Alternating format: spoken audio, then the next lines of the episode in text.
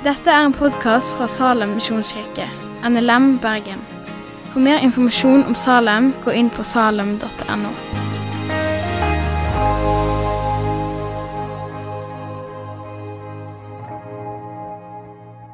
Ja, da var vi her igjen, tilbake på stream.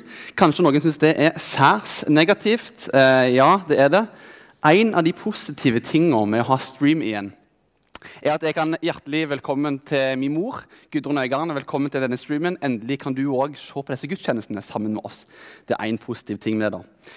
Jeg heter Gjermund Øygarden og jobber her i Salem som menighetsutvikler. Og I dag så skal jeg få lov til å tale ut ifra et kapittel som jeg føler Gud har lagt meg på hjertet. Og da må jeg bare kjøre på med det.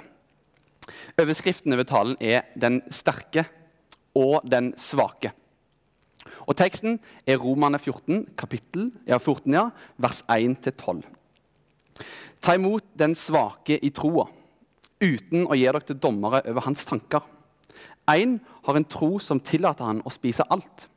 Den svake spiser bare grønnsaker. Den som spiser, skal ikke se ned på den som ikke gjør det. Og den som spiser, skal ikke dømme den som spiser.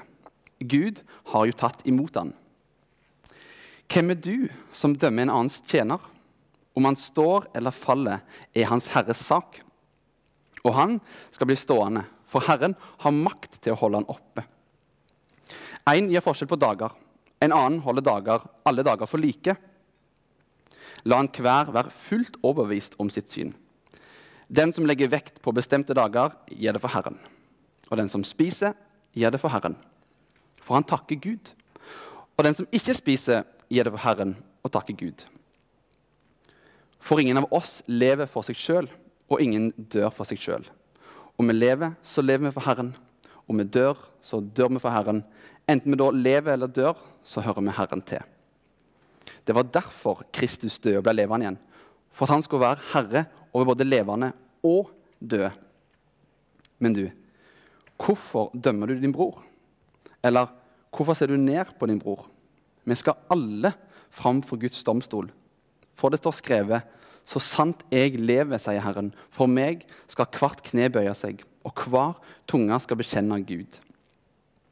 Så skal altså hver enkelt av oss avlegge sitt regnskap for Gud. Gode Jesus, takk at du er til stede akkurat her nå i Salem, hvor vi spiller inn. Takk at du er til stede i alle de heimene som hører på. Takk at du er til stede i våre hjerter. Takk at når ting rundt oss beveger seg og flytter på seg og blir endra fra dag til dag, så er du konstant. Eh, og du er vår klippe, som vi kan holde oss fast uansett hva som skjer. Takk Jesus for eh, den kollekten som ble samla inn nå. Må du bruke det, om du vil signe det. Og Jesus, jeg takker deg for ditt ord. Eh, og Du ser den teksten og det budskapet som jeg har fått fra deg. som jeg føler jeg har fått gjennom deg i dag. Kan du velsigne ditt ord som bare du kan gjøre? For dette er dine ord og ikke mine.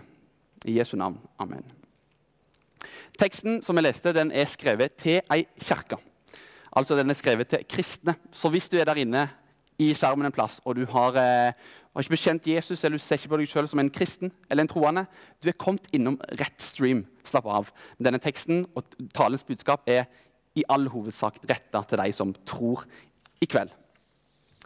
Hovedbudskapet, eller det som jeg vil at du skal sitte igjen med, er at vi har kristne i kirka vår som er både svake, men òg som er sterke. La oss omfavne og la oss inkludere og ta imot disse. Ta imot alle i vår menighet, i vår kirke. Dette er noe jeg tror Paulus legger ned over menigheten i Roma. Og dette tror jeg, og dette vil jeg legge ned over oss i Salem og i Bergen i kveld. La oss begynne med det Paulus kaller for svak tro. Hva er svak tro? Paulus snakker om en, en umoden tro som ikke har nok muskler til å stå holde ute det presset som kommer utenifra. I teksten vår helt sånn konkret så er det folk som holder seg vekke fra kjøtt og holder seg vekke fra vin. Fordi de mener det er et problem med det. Nemlig at det å holde seg vekke fra det, det ga Gud ære. De trodde at det å være avholdende fra kjøtt og avholdende fra vin, det ga Gud ære. Det er mer ære enn hvis de gjorde dette. Men Paulus han kaller de svake, men ikke vantro. Altså vantro mennesker som ikke tror. For Paulus han er illsint i et brev til galaterne, hvor han sier eh, uforstandige galatere. Hvem har forheksa dere? Dere som har fått Jesus Kristus malt for øynene som den korsfesta.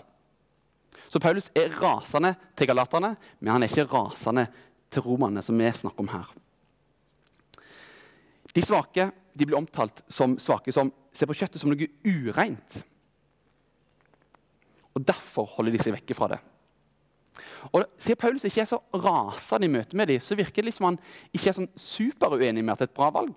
For han skriver i vers 14.: I Herren Jesus vet jeg sikkert og visst at ingenting er ureint i seg sjøl.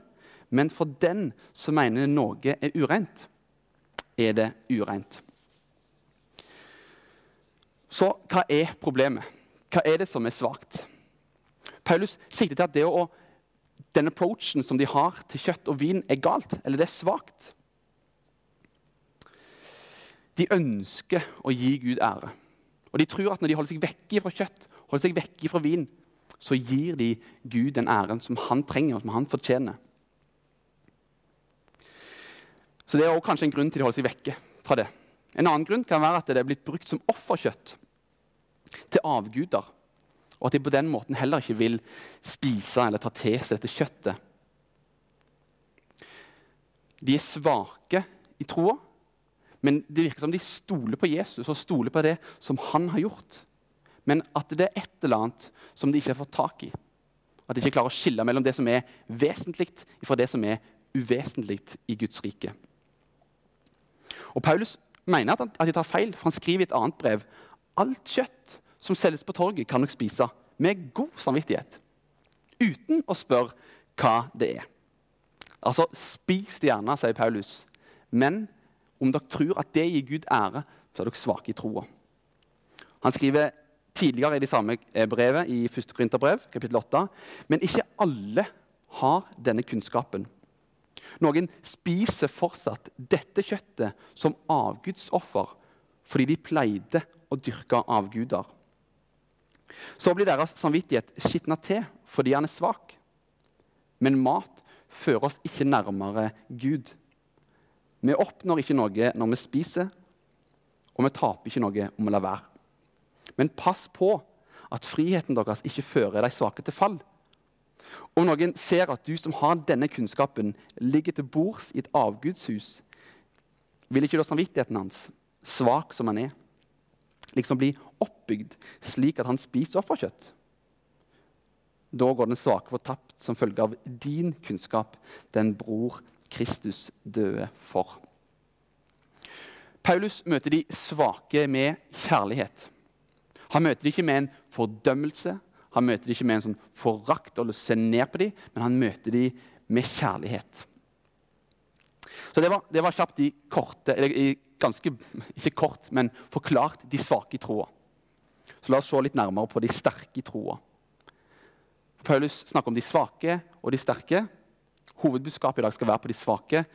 Men Paulus snakker til de sterke at de blir formant til å ta seg av de svake. Hvor han skriver i kapittel 15 vi som er sterke, sier Paulus, vi må bære de svakes svakheter. Og ikke tenke på oss sjøl.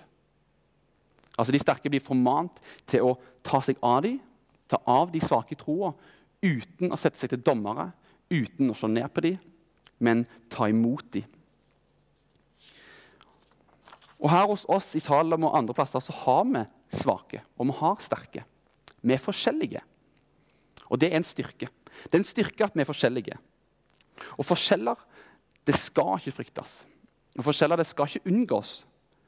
Men forskjeller skal bli anerkjent, de skal bli godtatt, og de skal bli behandla med kjærlighet.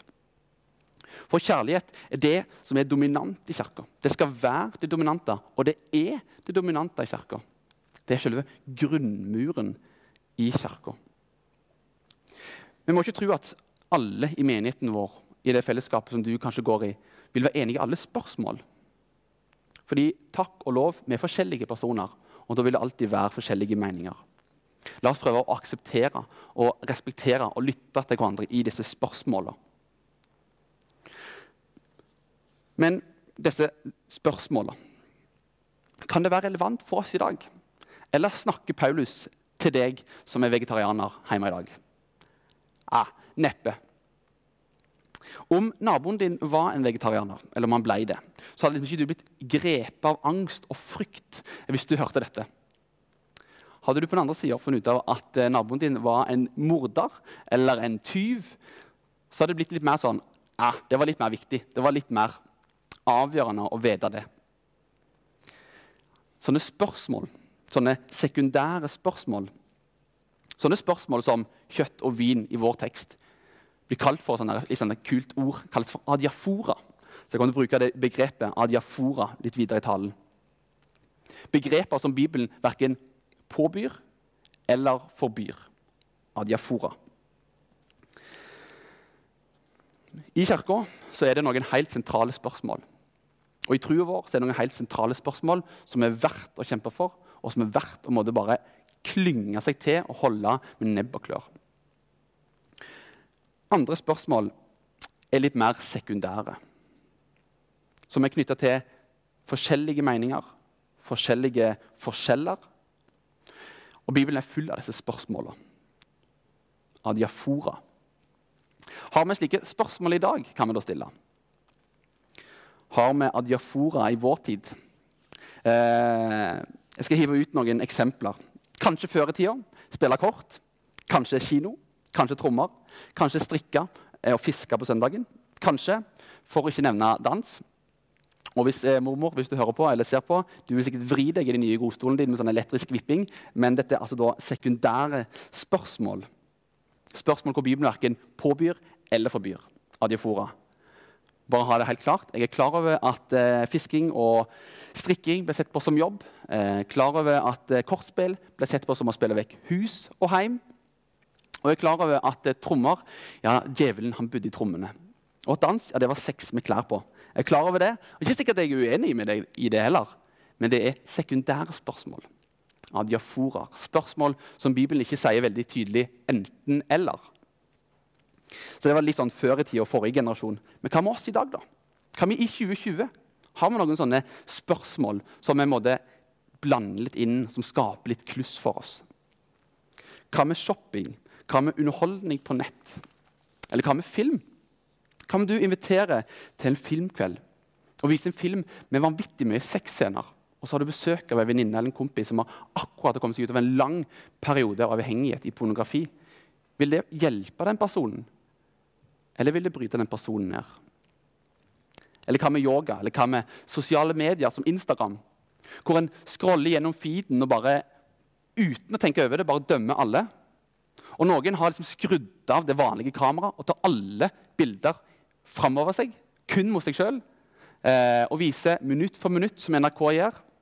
Og for kanskje for noen så går det fint an å gi dette og vise dette ut for alle. For andre er det kanskje litt mer utfordrende. Kanskje. Eller hva med alkohol? Hva med den personen, den gutten som er oppvokst med en alkoholisert far?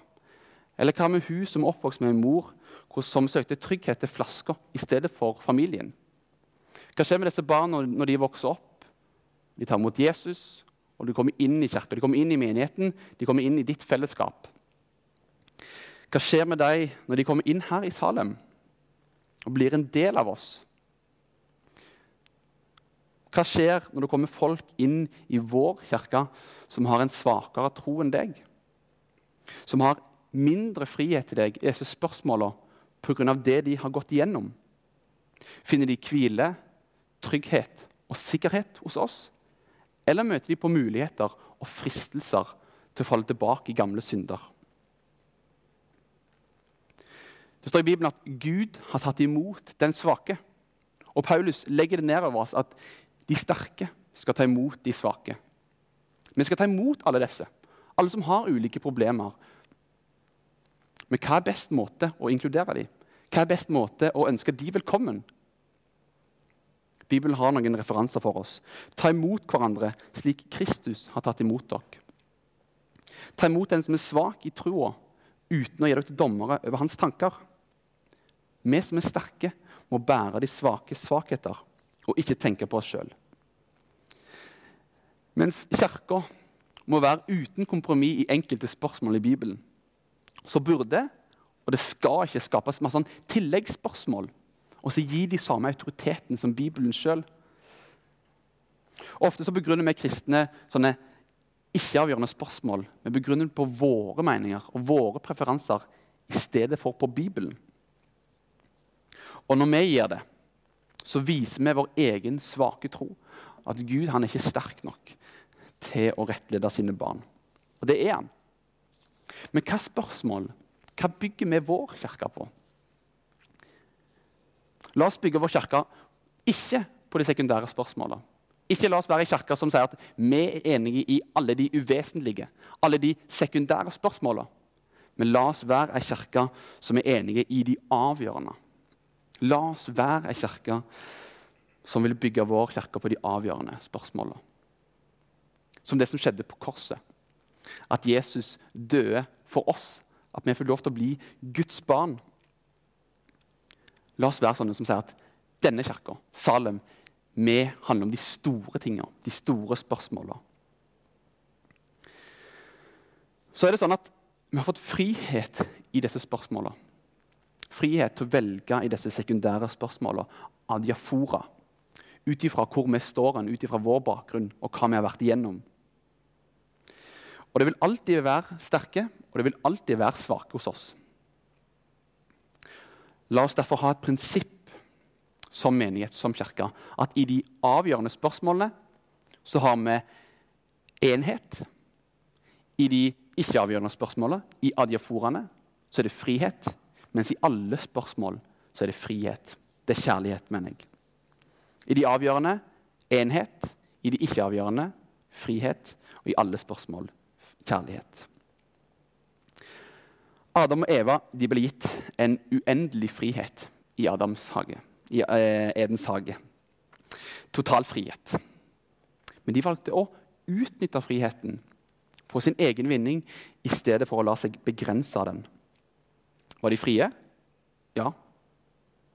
Men frihet skulle ikke gjøre noe for de, og frihet skal ikke gjøre noe mye av oss. Frihet skal ikke gjøre en masse ut av deg. Frihet er ment å bygge opp kroppen, bygge opp Jesu kropp. Vi har fått frihet til å følge Guds ære i stedet for å følge vår egen ære. Og I vers 9 i teksten vår blir det forklart hvorfor Jesus måtte dø. Meningen med hans død, og hvorfor han, han hang på korset den dagen. Han ga seg frivillig, av sin egen frihet, for vår frihet. Han hang der for at vi skulle få leve, ikke for oss sjøl, men for han. Til hans ære. Og Du ble ikke gitt denne friheten bare for at du skulle være fri, men for at du skulle være et Guds barn. Ingen lever, og ingen dør for seg sjøl. Og alt du gjør, og alt du tenker, tilhører Han. Det er hans, og du er hans. Du lever for Gud, du dør for Gud, du tilhører Gud. Du skal stå foran Gud. For Jesus han er ikke bare kongen på korset som henger der og dør for dine synder. Han kommer også tilbake som dommer. I slutten av teksten vår så står det vi skal alle fram for Guds domstol. For det står skrevet så sant jeg lever, sier Herren, for meg skal hvert kne bøye seg, og hver tunge skal bekjenne Gud. Så skal altså hver enkelt av oss avlegge regnskap for Gud. Dommen hører bare Herren til. Og Paulus teksten vår han vender seg igjen til de svake og til de sterke. De svake skal ikke dømme, og de sterke skal ikke forakte eller se ned. Og Paulus sier, 'Svak eller sterk, du skal fram for Guds domstol.' For vi skal alle fram for Kristi domstol, står det. Og Der blir det ikke spørsmål om hva du har tenkt og hva du ikke har tenkt. Og for Gud blir det bare spørsmål om å gjøre regnskap for oss sjøl der enhver, meg og deg, skal gjøre regnskap overfor Jesus og ingen andre. Vi liker å sammenligne oss med oss sjøl, òg her i Salem. Men det er bare Jesu vektskål som betyr noe. Det er bare den vektskåla som funker. Vår sammenligning betyr ingenting. Vi skal framfor Jesus. Hvordan går det med ditt regnskap? Jesus døde og sto opp igjen for å være herre over levende og døde. Her er det ingen forskjell på de sterke og de svake i troa. Om din tro er stor eller liten, om han er sterk eller svak, om han er jublende eller tvilende, så hører du Herren til. Troens kvalitet eller troens kvantitet spiller ingen rolle. Men det som spiller en rolle, er hvem du tror på. Hvordan går det med din, ditt regnskap? Jesus han er sluttsummen på kassalappen vår, stempla med sitt dyrebare blod. Og hvordan går det med ditt regnskap? Men alle som tok imot han, de ga han retten til å bli Guds barn. De som tror på hans navn. Hvordan går det med regnskapet ditt? Vi skal alle, svake og sterke, vi skal fram for Gud og avlegge regnskapet. Det skal du òg. Hvordan går det med regnskapet ditt? Om Jesus ikke er sluttsummen på din kassalapp, så har jeg så lyst til å invitere deg at du òg skal få ditt liv stempla med Jesu blod. At sluttsummen på din kassalapp òg skal stå Jesus. For Jesus sier, 'Kom til meg, alle dere som strever og bærer tunge byrder, og jeg vil gi dere hvile.' Hvordan går det med regnskapet ditt? Dersom vi bekjenner våre synder, er Han trofast og rettferdig, så Han tilgir oss syndene og renser oss for all urett. Hvordan går det med regnskapet ditt? Kom, la oss gjøre opp vår sak, sier Herren. Om syndene deres er som purpur, skal de bli hvite som snø. Om de er røde som skarlagen, skal de bli hvite som ull. Hvordan går det med regnskapet ditt? Har du kommet innom denne streamen eller denne videoen eller podkasten, og så er du usikker på hvordan det egentlig står til med ditt regnskap? Eller du er kanskje ganske sikker på at det ikke står så bra til? Ikke tro at Gud ikke vil ha noe med deg å gjøre. Han vil så voldsomt ha noe med deg å gjøre. Han sendte den sønnen han hadde, for deg, for han ville ha noe med deg å gjøre. For så høyt har Gud elsket verden at han ga sin sønn den enbårne, for at hver den som tror på han, ikke skal gå fortapt, men ha evig liv. Og hvis du ser på, og du har ikke gitt ditt liv til Jesus, og av en eller annen grunn tenker at du er ikke verdig nok Jeg må bare si det at det er helt sant. Men Jesus er og vil alltid være verdig nok. La Jesus bli sluttsummen på din kassalapp. Om du har lyst til å gi ditt liv til Jesus nå i dag, be sammen med meg til slutt. Kjære Jesus, takk at du møter meg slik som jeg er. Du vet jeg har gått mine egne veier. Jeg har synda mot deg og mot min neste i tanker, ord og gjerninger.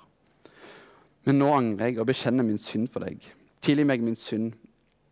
Takk at du døde i mitt sted. Takk at du vil være min frelser. Fyll meg med din hellige ånd, for nå ønsker jeg å være at du skal være herre i mitt liv. Hjelp meg å leve som en etterfølger av deg, Jesus. Ransak meg, Gud, og kjenn mitt hjerte. Prøv meg og kjenn mine tanker. Se om jeg følger avguders vei, og led meg på evighetens vei. Amen. Takk for at du har hørt på podkasten fra Salem, Bergen. I Salem vil vi vinne, bevare, utruste og sende til Guds ære. Vi ønsker å se mennesker finne fellesskap, møte Jesus og bli disippelgjort her i Bergen og i resten av verden. Vil du vite mer om oss, gå inn på salem.no.